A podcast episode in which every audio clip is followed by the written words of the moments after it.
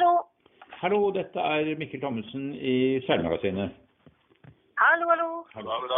Hallo, og jeg har da gleden av å snakke med Guri Oppegård og Oddvar Sand, som er kommet tilbake etter eh, noen års eh, seiltur med en eh, 42 fots eh, katamaran.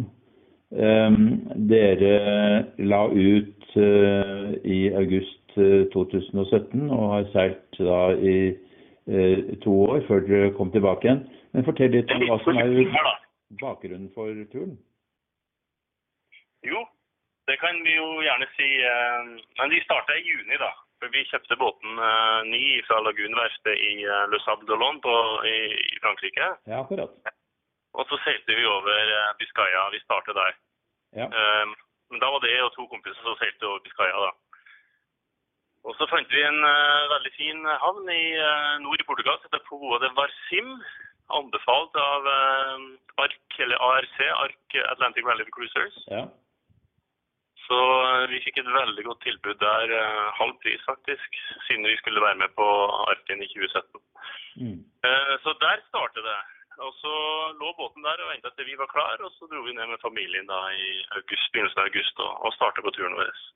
Men dere har aldri vært seilere før det, så dette var ikke noe helt nytt eh, for dere. Dere hadde jo drømt om å reise på jordomseiling også.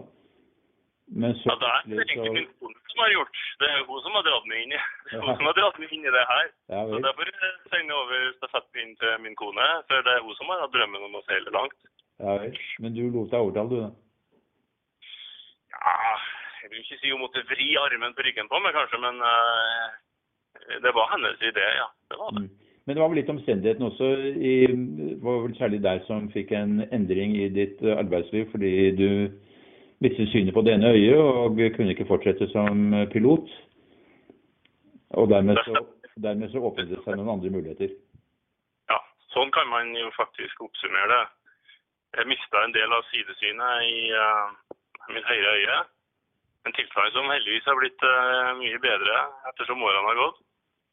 Men eh, på det tidspunktet så fikk jeg miste legetesten med en gang, selvfølgelig. Og så, og så fikk jeg den ikke tilbake igjen. eh, og det har jeg fremdeles ikke.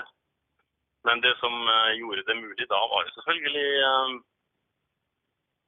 det er jo en forsikringssum inne i bildet, men først og fremst er det en, en mulighet. da.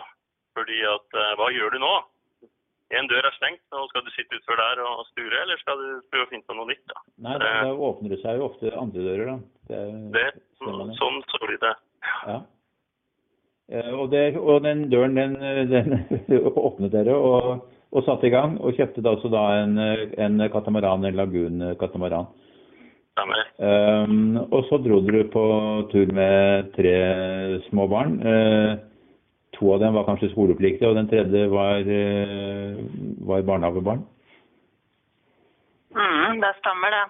Det gjorde vi. Så eh, det var jo òg en eh, litt sånn løsrivelsesprosess akkurat av det. Fordi det er jo ikke alltid like lett å stille om særlig hodet sitt fra å være i det her ni til fire jobbsituasjonen og ja, ha to barn på skole og en i barnehage, og du har rutinene dine og sånn, så du må røske tak i eh, livet ditt og eh, gjøre noe helt annet. Um, så det tok litt tid før vi uh, fant ut at vi skulle gjøre det. Men når vi først hadde bestemt oss, så gikk det egentlig ganske kjapt. Men du var journalist i TV 2 og, og bestemte deg for å takke ja til en sluttpakke, og, og dermed så sto du helt fritt. Ja, det stemmer. Jeg gjorde det.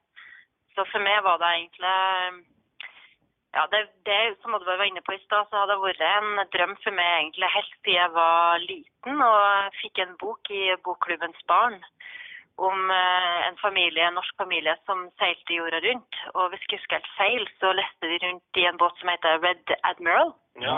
Familien Hoff, ja. Ja, stemmer det. Og det var en enorm inspirasjon for en liten unge på, oppvokst på Vega, ei øy på Helgelandskysten, å se de som bare stakk av gårde ut i verden og alt det de opplevde. Så den boka der, den leste i fillebiter, så den tror jeg ikke eksisterer lenger, faktisk. Men også reise fra Helgelandskysten, og det er jo ikke mulig nesten det, da, så fint som det er der. Nei, nå er det jo, nå kjenner vi jo alle på det at nå kan vi jo tenke oss å utforske det området her mye mer. Så det er nok det som ligger på trappa nå i den neste korte tida. Men dere solgte båten underveis, eh, så dere seilte altså i et par år. Dere sa innledningsvis at dere kanskje skulle seile fire.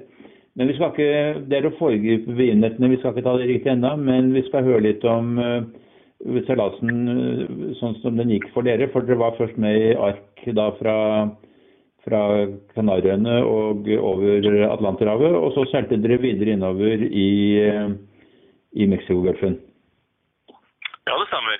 Eh, Og jeg vil si eh, til alle som ikke har seilt over store hav, så, så er det både pluss og minus selvfølgelig med å være med i det her ark-sirkuset. Eh, Jeg vil jo si at eh, Og det her deler jeg litt med sammen med min kone og andre. At uh, i netto så har du mye igjen for å være med på det, hvis du ikke har uh, holdt på med det her så mye før.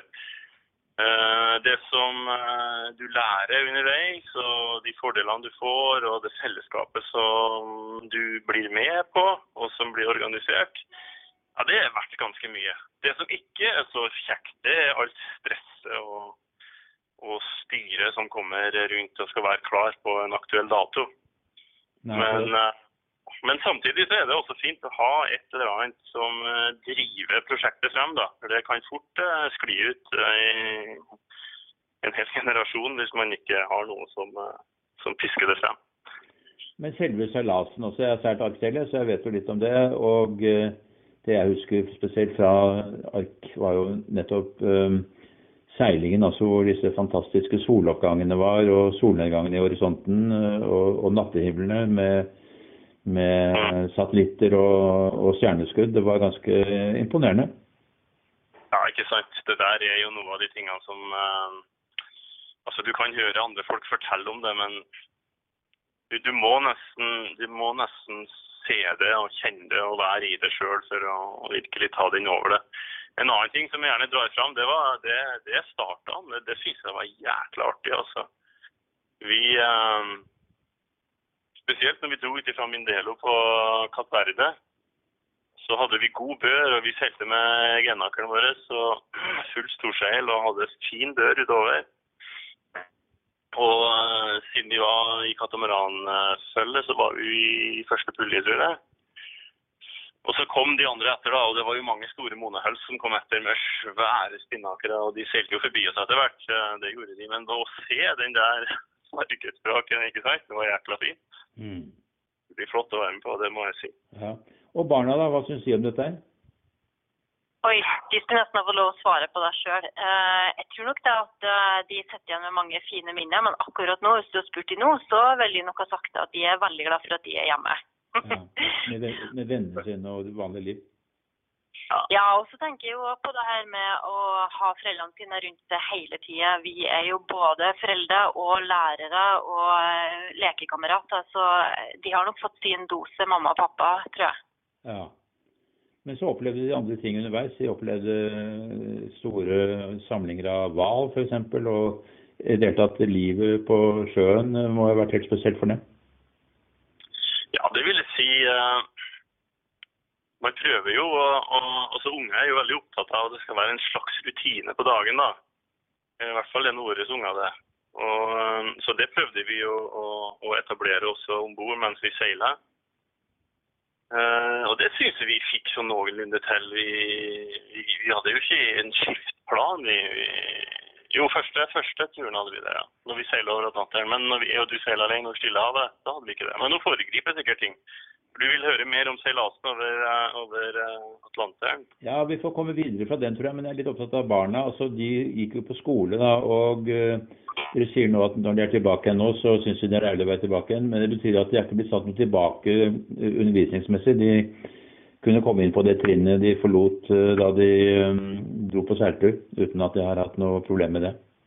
Ja, eller de har nå blitt to år eldre, da, så de slapp heldigvis å gå tilbake til det trinnet de var på. Men eh, de, nei, da, vi, har jo, vi har jo fokusert på enkelte fag spesielt. Fordi norsk og matematikk er jo to fag som ikke nødvendigvis kommer naturlig når du er ute på tur. Så vi hadde med oss eh, de bøkene fra skolen. De var veldig rause med oss sånn sett og fora oss med bøker og informasjon om hvor de andre ungene, eller hva de andre ungene jobba med. Um, og så, så da har vi fulgt opp uh, underveis. Uh, og I tillegg til det så engelskkunnskapen deres har jo Det har jo vært uh, enormt fortrinn for dem å kunne snakke og leke med andre barn på engelsk. Um, og jeg tenker også at for det er veldig mange som spør oss om det, som skal ut på seiltur sjøl og har barn, og som lurer på om det er vanskelig å undervise, og hvordan skal de gjøre det her. Og mange opplever har nesten litt sånn prestasjonsangst for å lære sine egne barn det de trenger å vite når de er vekke på tur. Og vår erfaring er da at man kan senke skuldrene ganske betraktelig. fordi den kunnskapsbasen de ungene sitter igjen med etter to, ett eller to år ute på tur, den er det ingen norsk skole som evner å levere. Fordi her er unger som har um, fått lov å ta del i for det første et seilefellesskap hvor du møter veldig mange forskjellige mennesker fra hele verden og er veldig tett på dem. Og så har de også opplevd andre kulturer som, eh, over tid, da, sånn at man har kommet inn under huden på andre samfunn. Eh, så jeg må si at det, for oss, eller det vi opplever med de nå, er at de har med seg veldig mye ekstra i sin bagasje når de kommer hjem syns jeg det var lange dager, eh, lange strekk over havet hvor det ikke skjedde så mye, kanskje? Kunne kjede seg litt? Absolutt. Det kan jeg bekrefte at det gjorde de. Så, eh, men jeg tenker jo da at det er jo kanskje òg en motvekt til det livet som er her hjemme, som er litt fint. da, fordi Særlig over Atlanterhavet så fikk vi jo muligheten til å kjede oss ganske mye, for dagene ble veldig like. Eh, men da ble kreativiteten desto større, så vi lagde jo alltid fra egne sluker når vi gikk tom for det ute på havet, til maling, til baking, og de tok mye initiativ sjøl. Og det er klart at her sånn, så når vi kommer hjem, så ser vi jo da at uh, iPadene og TV-ene står jo i mye større grad på. Så jeg tenker jo da at ja, det er monotont, og ja, de kjeder seg, men jeg tror ikke at unger tar skade av det. Nei, det vil jeg ikke tro. Ehm, så, så den siden er eh, da ubetinget uh, positiv. Um, så kom dere altså da til San St. Lucia hvor arkseilasen var over, og så fortsatte dere på tur innover i, i Mexicogolfen og hadde noen opplevelser der. Det er jo vi har både skrevet og, og intervjuet seilere som har vært utsatt for piratangrep. Og dere hadde også et en situasjon som var ganske ubehagelig. Ja, det stemmer. Det, den satt i kroppen eh, i lang tid etterpå, hos, eh, spesielt hos meg og, og Guri. da. Eh, I korte trekk så kan jeg jo fortelle om den. Det er jo en situasjon som blir aktuell for alle som seiler såpass langt vest i Karibien at de kanskje ender opp i Rio Dulce. Livingston, der, eh, der Rio Dulce starter, og så drar du innover jungelen, som er en fantastisk opplevelse i seg sjøl.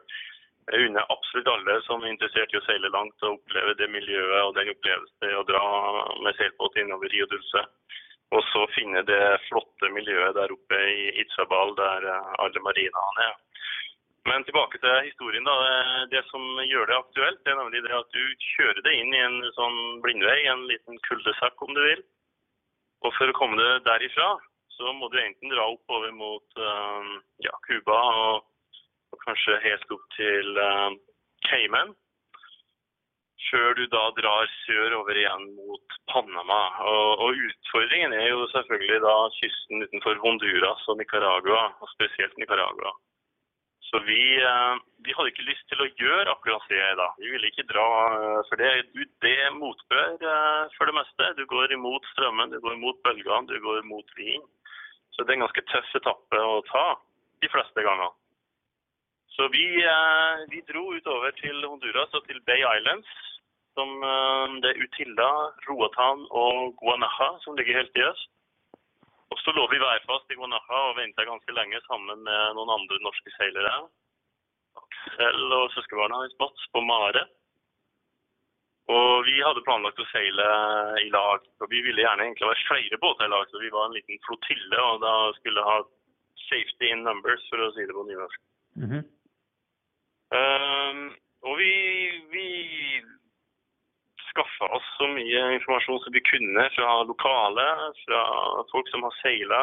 Vi møtte jo folk som kom gjennom det farvannet vi skulle seile inn i, og intervjua de i dybden. Og de fleste hadde jo ingen opplevelser som var verdt å nevne.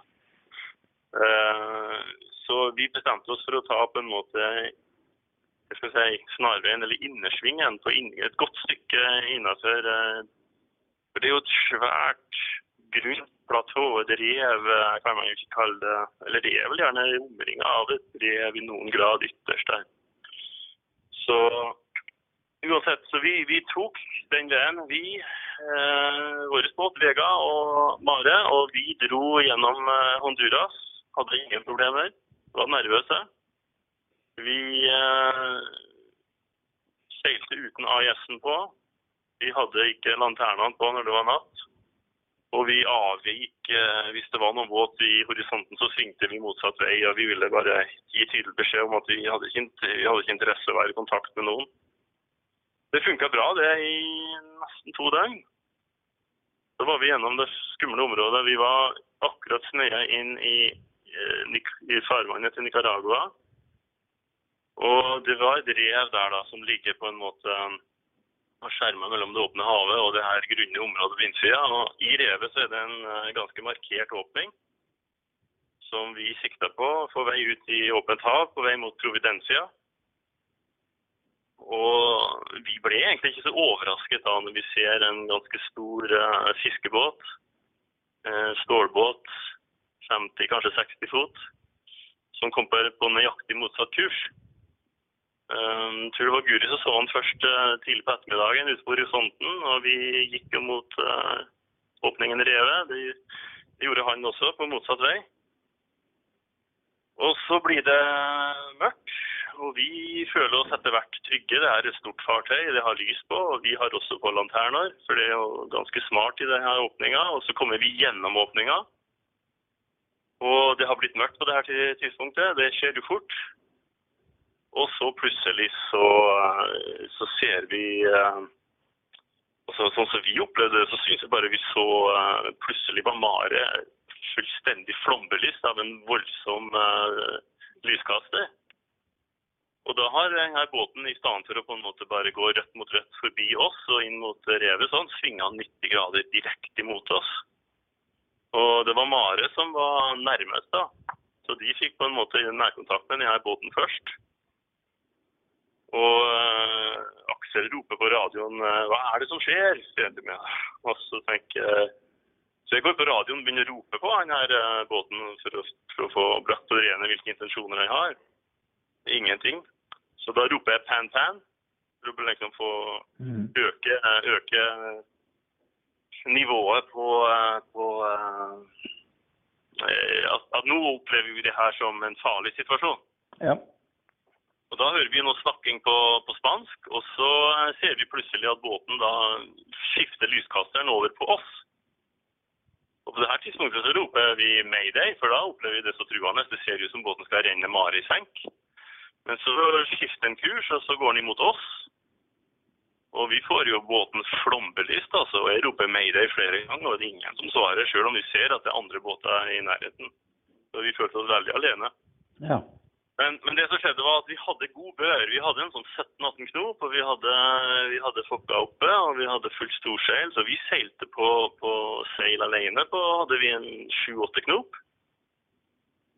Og øh, ja, når han starta motorene da, som en sånn beredskap, og etter hvert som han da sikta seg inn på oss, så bare gønna vi på. Og da hadde vi 12-13 knop i periode. Ja. Så vi dro, vi dro ifra han, rett og slett. Og i løpet av den tida der at han var opptatt av oss, så har eh, Mare slukt alle lysene på båten og skifta kurs litt, antagelig, og på en måte bare forsvant i det der mørke, mørket, disige havmørket der ute.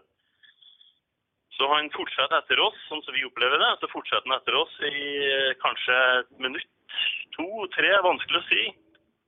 Og så ser vi at han faller bak, og han, ah, han bare gir opp, da. Og så begynner han å lete etter Mare, ser det ut for oss. Vi ser lyskasteren begynner å gå. frem og tilbake i den retninga der de var. da. Men det er egentlig ganske dårlig sikt, så de klarer ikke å få, tak i, få kontakt med det igjen. Og så etter en stund så ser vi at de, eh, de egentlig bare seiler videre.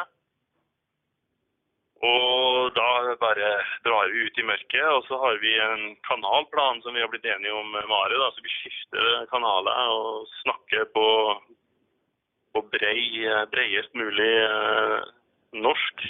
Mm. Så for å liksom ha kontakt med hverandre, og så skifter vi til neste kanal, som vi har eh, laga i kanalplanen, da, sånn at ingen liksom skal følge etter oss så lett. Men så blir vi enige om at vi skal ikke ha noe mer kommunikasjon. Så vi tenkte at å lage en radiopeiler er jo ikke så vanskelig, og vi trenger ikke hjelp til her folka. Og så går det vel eh, noen minutter til, og så ser vi at det dukker opp en annen båt. Vi hørte jo litt spansk kommunikasjon på bl.a. kanal 16.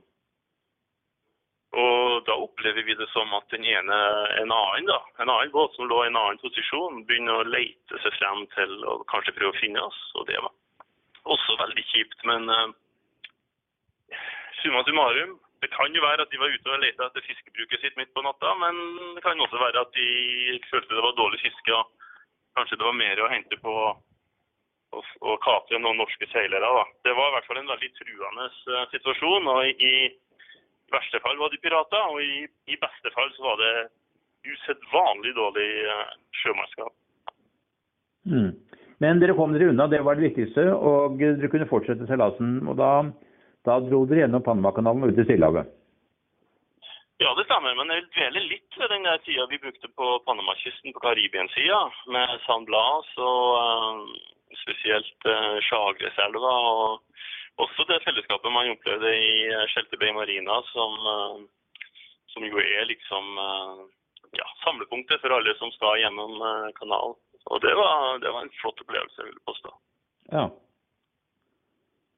Um, det er klart det som vi, vi, har jo fulgt med veldig på de, den andre norske båten som opplevde å bli kapra her på kysten av Panama. og det er jo i et område hvor veldig mange seiler. fordi at det ligger jo mellom Panamakanalen og San Blas-området, som jo er et veldig vakkert område som er vel verdt et besøk. Mm. Nå var, vel ikke det, nå var vel ikke det en kapring akkurat, det var vel mer et, eh, et ran? Ja, men de tok seg jo om bord i båten. Og, de kom i båten, ja. Men ja, de, lå, så, det lå til ankers i en havn. Men ja. Absolutt, det var ikke noe som skjedde ute på havet. Men poenget mitt er bare at vi har jo fulgt med dem og, og føler veldig med de som ble utsatt for det her. Fordi vi hadde jo denne opplevelsen her friskt i minnet når vi kom ned til Panama og opplevde jo da at Panama, eller det her kyststripa her var veldig utrygg så flere ganger at vi lå til ankers i bukter, ikke akkurat den samme bukten som det her, men i bukter i nærheten, hvor vi til tross for at det var patruljering der av eh, politi, så følte vi jo likevel på at det her ikke er et sted du blir veldig lenge. Så når det her skjer med de andre norske, så oppleves det som veldig nært, da. Mm, mm. Ja, det forstår jeg godt. Eh, dette er en interessant historie dere har å fortelle, og eh, man kunne sannsynligvis gå videre i timevis. Det har ikke vi anledning til, eh, dessverre, for vi har en begrenset tid på disse podkastene våre.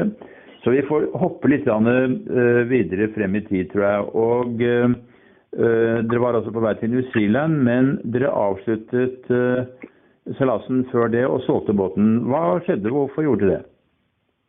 Nei, det var egentlig alle sånn 100% spikre hvor langt vi skulle dra. For vi var ganske åpne på da at eh, den dagen vi føler at uh, tida er omme, eller tida er klar for at vi skal dra hjem igjen, så gjør vi det. Og det tror jeg er litt viktig når man drar ut på langtur, særlig hvis man er flere enn bare kaptein, skulle du si, at man er flere mennesker i lag, så må man kjenne litt på hvordan mannskapet har det. For vår familie så ble det etter hvert eh, ganske klart at vi eh, syntes det var nok etter to år og hadde lyst til å dra hjem igjen. Vi begynte jo å få en tenåring i båten òg, så det var ganske sterke meninger som ble lagt fram på bordet. Og da lytta vi til det. Mm, det var sikkert veldig klokt.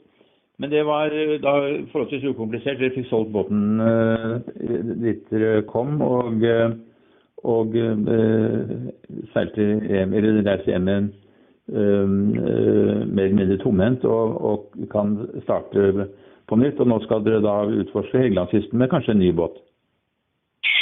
Ja, vi, eh, nå er det ikke, ligger det ikke an til at vi kommer til å kjøpe noen ny båt eh, med det absolutt første, men vi har en eh, liten BB17 som vi har tenkt å ta en del dagsturer på her fra Sømna som vi bor på nå. da. Så da ser vi veldig frem til. Det må bli litt varmere i været først. Er helt med ut med den båten der nå når det er vinter, selv om det er veldig fine forhold for en tur på fjorden akkurat nå.